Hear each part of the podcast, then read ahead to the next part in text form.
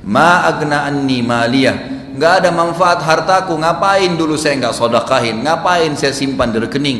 Ngapain masjid lagi dibangun saya tidak nyumbang? Saya tidak terbitkan, tidak cetak Quran, tidak ikut ini dan tidak ikut itu.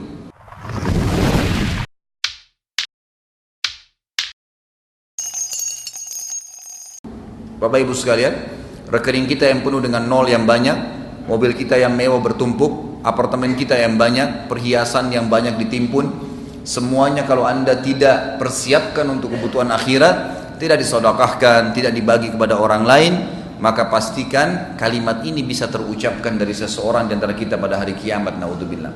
Ma agna anni maliyah. Nggak ada manfaat hartaku ngapain dulu saya nggak sodakahin ngapain saya simpan di rekening?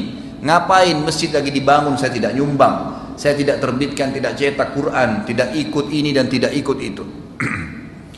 Halaka anni sultaniyah. Telah hilang semua kekuasaan dariku. Ini Allah sudah bongkar. Pada hari kiamat seperti itu pembangkitan orang-orang yang menerima kitabnya dengan tangan kiri. Ini terjadi pada dua golongan. Orang muslim yang banyak dosanya tidak sempat taubat harus masuk neraka dulu. Dan juga orang kafir dan munafik yang pasti sudah kekal dalam api neraka.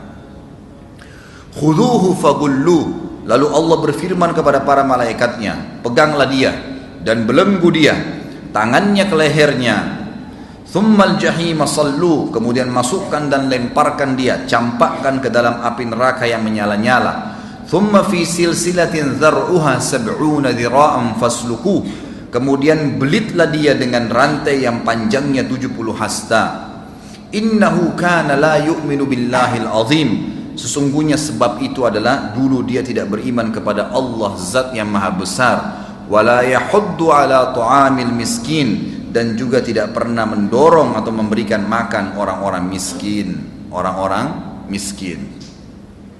Jadi ini jelas bahwasanya kita akan dibangkitkan dengan dua tiupan sangkakala tadi dan diceritakan secara umum dalam ayat tadi bagaimana pembangkitan di mahsyar. Tentu ayat hadis dalil-dalil demi dalil saya akan jelaskan ya. Ini masih ada dua surah yang kita baca secara umum global bagaimana terjadi peniupan sangkakala dan pembangkitan itu sendiri.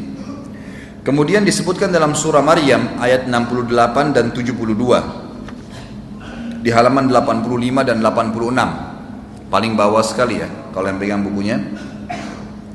A'udzu billahi minasyaitonir rajim fa warabbika lanahsyurannahum wasyayatin thumma lanuhdirannahum haula jahannam Demi Rabb Muhai Muhammad sesungguhnya akan kami bangkitkan mereka bersama syaitan Kemudian akan kami datangkan mereka di sekeliling jahanam dalam keadaan berlutut.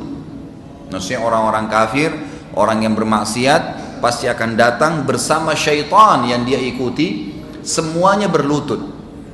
Saya pernah jelaskan dan Bapak Ibu pegangi konsep itu ya. Sekarang mumpung Anda masih bisa bernafas, masih hidup, di muka bumi ini cuma ada dua jalan, nggak ada jalan yang ketiga, tidak bisa disatukan dan harus clear, jelas keputusannya. Dari sekarang ambil keputusan. Jalannya Allah, pencipta langit dan bumi dan la ilaha illallah. Nggak ada Tuhan yang berhak disembah kecuali Allah. Juru bicaranya siapa? Para nabi-nabi. Nabi-nabi mewariskan ilmunya kepada siapa? Para ulama. Ulama menyebar ilmunya dari para dai-dai. Hadirnya anda di majelis ilmu seperti ini, saya atau bukan saya yang mengisi pengajian sama saja. Ini sekarang akan menuntun anda ke jalannya siapa? Allah Azza wa. Anda akan tahu mana halal, mana haram, mana boleh, mana nggak boleh, mana yang diperintahkan wajib, mana yang sunnah, mana yang haram, mana yang makruh. Kemudian kita lakukan, jadikan itu sebagai prinsip hidup, meninggal masuk surga. Surga yang dijanjikan demi Allah bukan dongeng, tapi sebuah janji yang pasti.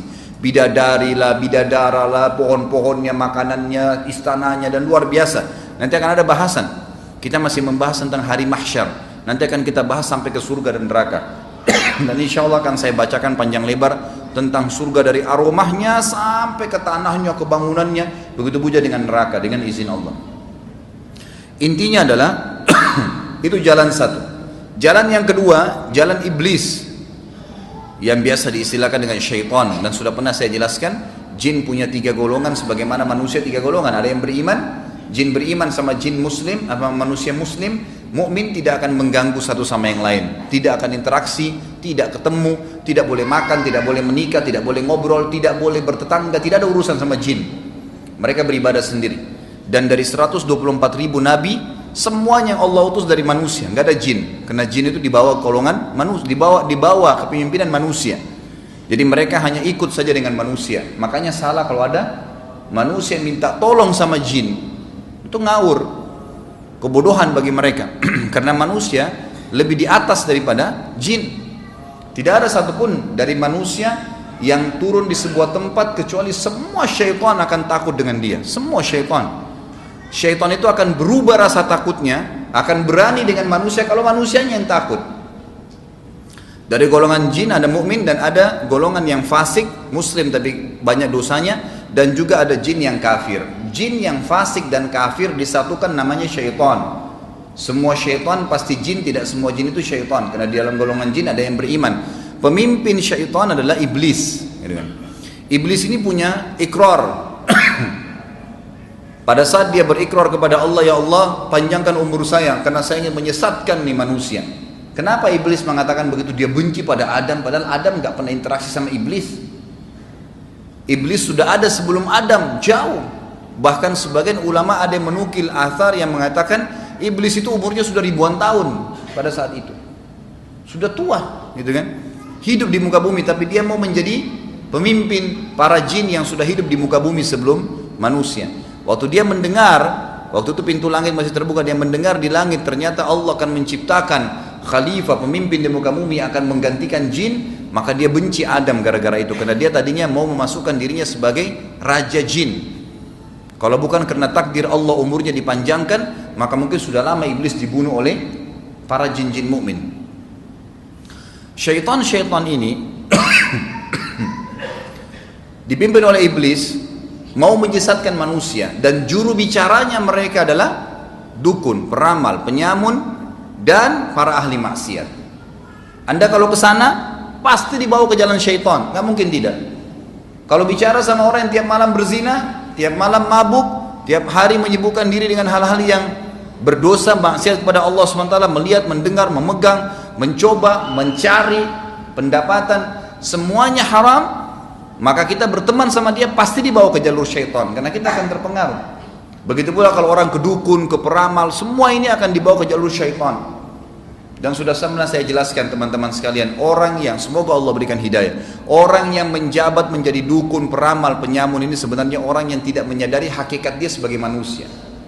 Kalau manusia ini pemimpin di muka bumi, kita nggak perlu minta tolong sama jin, sama syaitan nggak perlu. Kita ini kalau datang ke sebuah tempat dibebasin sebuah tanah, pasti semua makhluknya Allah pindah, termasuk jin-jin itu sendiri. Mereka pergi.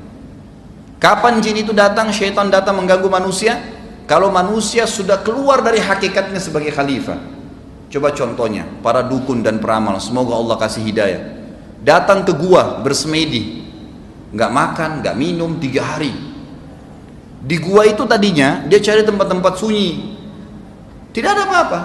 Yang jaga gunung, yang jaga lautan, yang turunkan hujan, yang gantikan siang malam, itu malaikat semua. Ada malaikatnya Allah di muka bumi menyebar di mana-mana. Memang mereka punya tugas itu.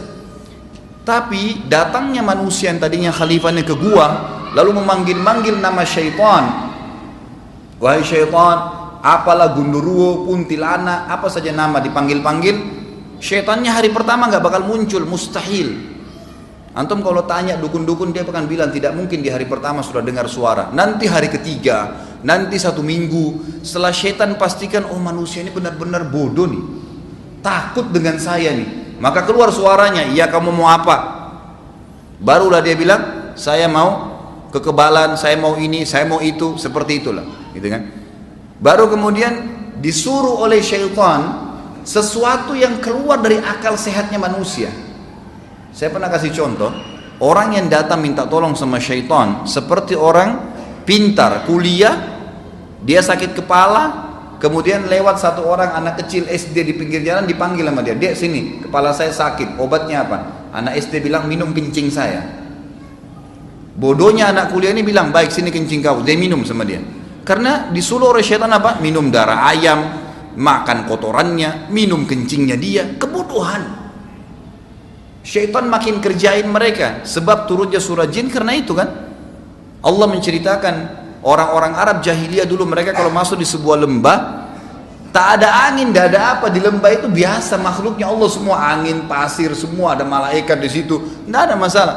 Tapi mereka datang ngeluarin setengah bekalnya kemudian dibawa di lembah, tengah lembah baru mereka berkata apa? Wahai penjaga lembah. Biasanya orang bilang dewa lah, apalah. Bahasa ini tidak ada sebenarnya. jangan ganggu, jangan ganggu kami ini setengah bekal kami kami kasih. Kata Allah fazaduhum rahaqa. Maka syaitan yang ada di sekitar lembah itu makin kerjain mereka. Karena sebenarnya tadinya tidak berani syaitan itu. Beraninya kapan manusia itu? Takut.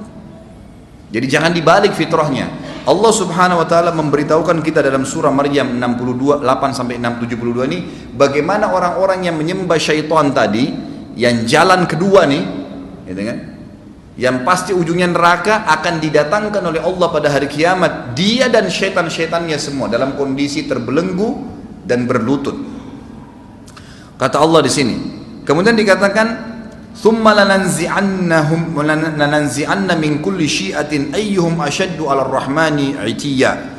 lalu kemudian kami pasti akan tarik dari tiap-tiap golongan siapa di antara mereka yang sangat durhaka kepada zat yang maha pemurah Artinya orang yang paling kufur dikedepankan untuk dimasukkan ke neraka.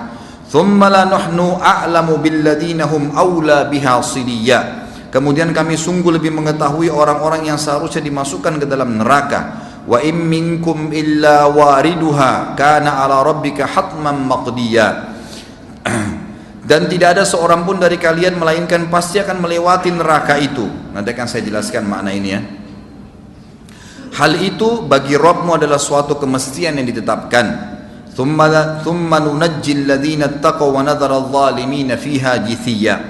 Lalu kemudian kami selamatkan orang yang bertakwa dan membiarkan orang-orang yang zalim dalam neraka dalam keadaan berlutut dan tersiksa.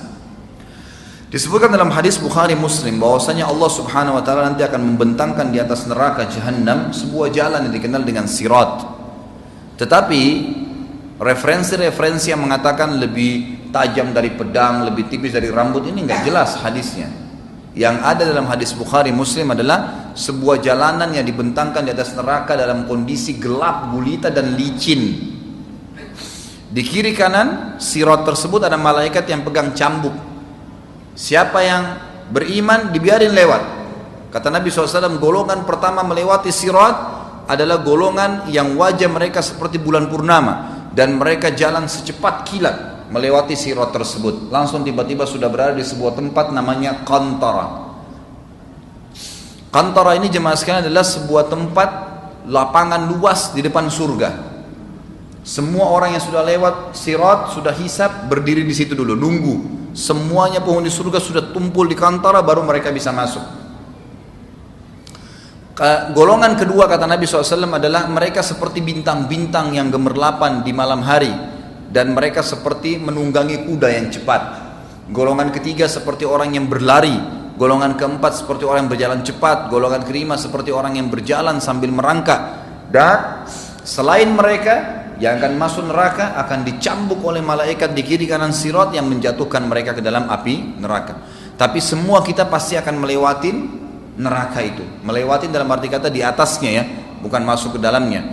Kata sebagian ulama tafsir yang dimaksud dengan ma minkum illa warid wariduha dalam ayat tadi ini tidak ada seorang pun di antara kalian di ayat 71 surah Maryam tidak ada seorang pun di antara kalian kecuali pasti melewatinya artinya supaya mengetahui bagaimana dahsyatnya neraka itu dan bagaimana nikmatnya pada saat mereka selamat. Ini kurang lebih gambaran tentang masalah ayat-ayat Al-Quran berhubungan dengan kejadian hari kiamat itu sendiri. Kita masuk kepada hadis Nabi Shallallahu Alaihi Wasallam tentang bagaimana kondisi seseorang pada saat dibangkitkan pada hari kiamat. Lihat halaman 89 sabda Nabi Shallallahu Alaihi Wasallam di dalam hadis riwayat Muslim nomor 2860.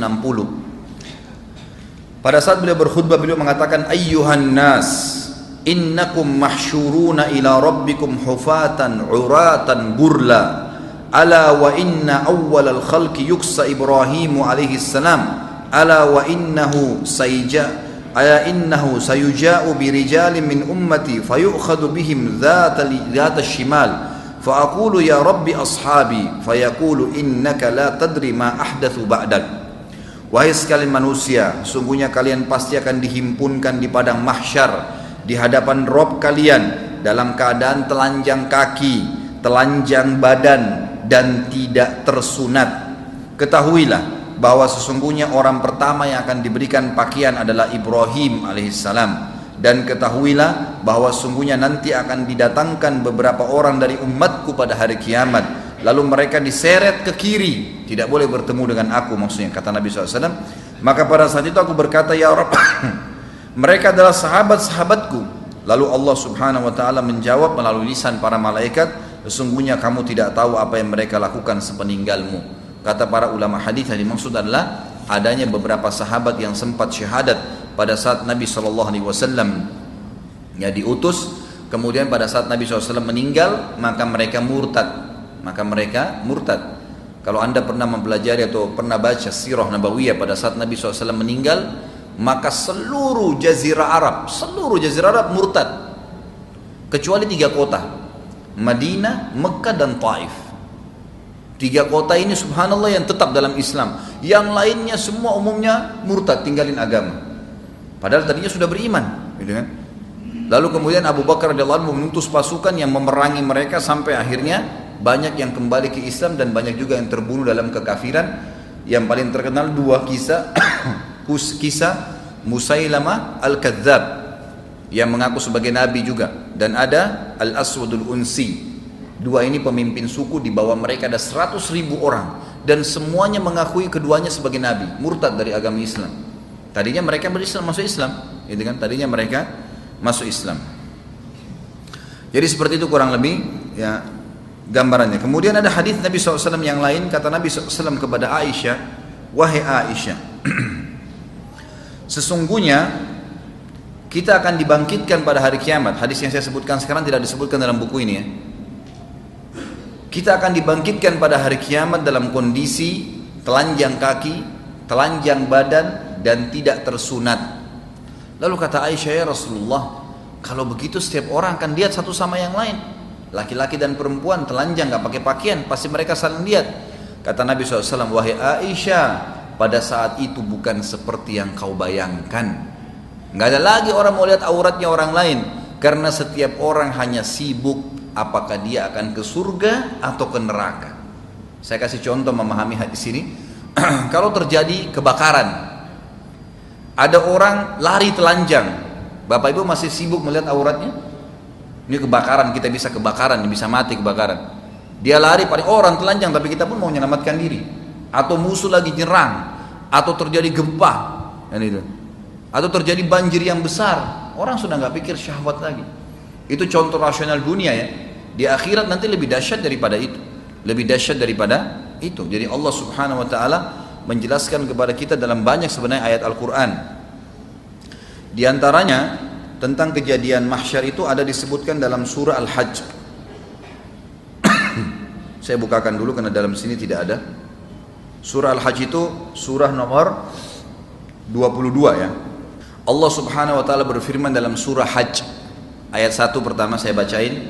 A'udzu billahi minasyaitonir rajim. Ya ayyuhan nasu taqu rabbakum. Inna zalzalatas sa'ati syai'un 'azim. Hai manusia, takutlah kalian tunduklah kalian kepada Tuhan kalian Allah yang tidak ada Tuhan selain dia sesungguhnya goncangan hari kiamat itu kejadiannya sangat besar untuk kalian. Kalian tidak mampu menampung itu. Allah sudah ingatkan ayat pertama surah Hajj. Ayat kedua Allah ceritakan lebih jauh. Yauma tarawunaha tazhalu kullu murdi'atin amma arda'at wa tada'u kullu dhati hamlin hamlaha wa tarannasa sukara wa ma hum bisukara walakinna adzaballahi syadid. Ingatlah pada hari ketika kamu melihat kegoncangan itu semua wanita yang menyusui secara otomatis akan melempar anak yang disusuinya.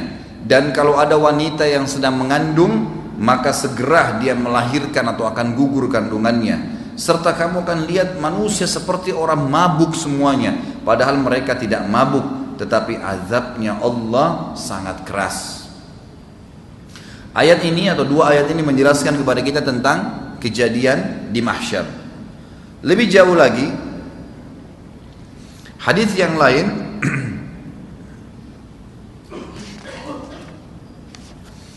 adalah hadis yang diriwayatkan oleh Ibnu Majah nomor 4308 halaman 91 ya yang pegang buku dalil yang kedua ana sayyidu waladi adam wala fakhr kata Nabi saw. akulah pemimpin anak Adam pada hari kiamat dan tidak ada kesombongan dalam itu. Betul-betul memang Allah kasih kepada aku kata Nabi SAW wa ana awwalu man tanshaqqu anhul ardu yaumal qiyamah wala fakhr dan akulah termasuk orang yang paling pertama dibangkitkan dari bumi dan tidak ada kesombongan di situ. Wa ana awwalu syafi'in wa awwalu musyaffa'in wala fakhr dan akulah orang yang pertama akan memberikan syafaat pertolongan dan orang yang pertama syafaatnya dikabulkan. Perkataan ini tidak diikuti dengan kesombongan. Waliwaul hamdi biyadi yaumal qiyamah wala fakhr. Begitu pula bendera alhamd pujian akan ada di tanganku pada hari kiamat. Dan itu juga tidak diikuti dengan kesombongan. Hadis ini menjelaskan kepada kita tentang orang yang paling pertama dibangkitkan hari kiamat adalah Nabi Muhammad SAW dibelahkan bumi itu lalu kata Nabi SAW dalam hadis yang lain di sini tidak disebutkan saya kuatkan lagi. Hadis sahih riwayat ahli sunan. Nanti di mahsyar setiap orang akan dibangkitkan setiap orang akan dibangkitkan dalam keadaan ya mereka tenggelam dengan keringatnya sesuai dengan kadar dosanya ada yang tenggelam sampai di mata kakinya, ada yang tenggelam sampai di lututnya, ada yang tenggelam sampai di perutnya, ada yang tenggelam sampai di dadanya, ada yang tenggelam dengan keringatnya sendiri sampai dibangkitkan sampai Allah tabaraka taala datang menghakimi mereka. Ini sebuah hadis menjelaskan tentang kondisi mahsyar. Pada saat itu dalam hadis Bukhari juga dijelaskan matahari akan mendekati kalian hanya sejarak sekian mil. Nggak disebutkan satu atau dua mil tapi sekian mil. Kita tahu sekarang jaraknya dengan bumi sekian juta tahun. Jauh sekali. Tapi di sini jaraknya cuma sekian mil jadi sangat panas. Maka manusia semuanya berkeringat pada saat itu.